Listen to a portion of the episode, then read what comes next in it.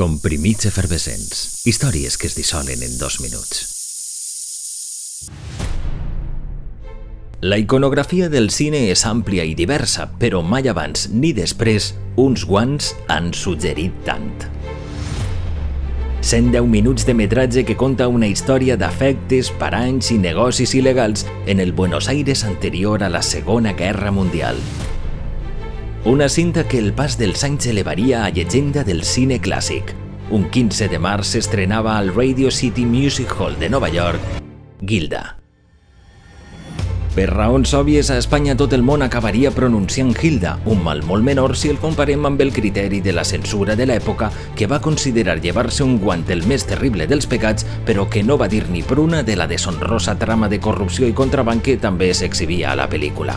No destaca per taquilla ni tampoc per premis, però ha acabat considerant-se un clàssic. Per moltes raons, però pot ser la més punyent fora que la parella protagonista, amb permís de George McReady, va tocar el seu sostre professional amb ella. Rita Hayworth destilaria temperament i sensualitat i es consagraria per a sempre, i Glenford aconseguiria catapultar la seva carrera internacionalment. Una cinta en la que se soltaren les galtades més cèlebres del cine i tot adobat amb música. Unes actuacions memorables que no perden un gram de mèrit a pesar que Rita Hayworth sempre cantara en playback. Seria la veu de la cantant canadenca Anita Ellis la que seduïra als espectadors del Radio City de Nova York un 15 de març de 1946.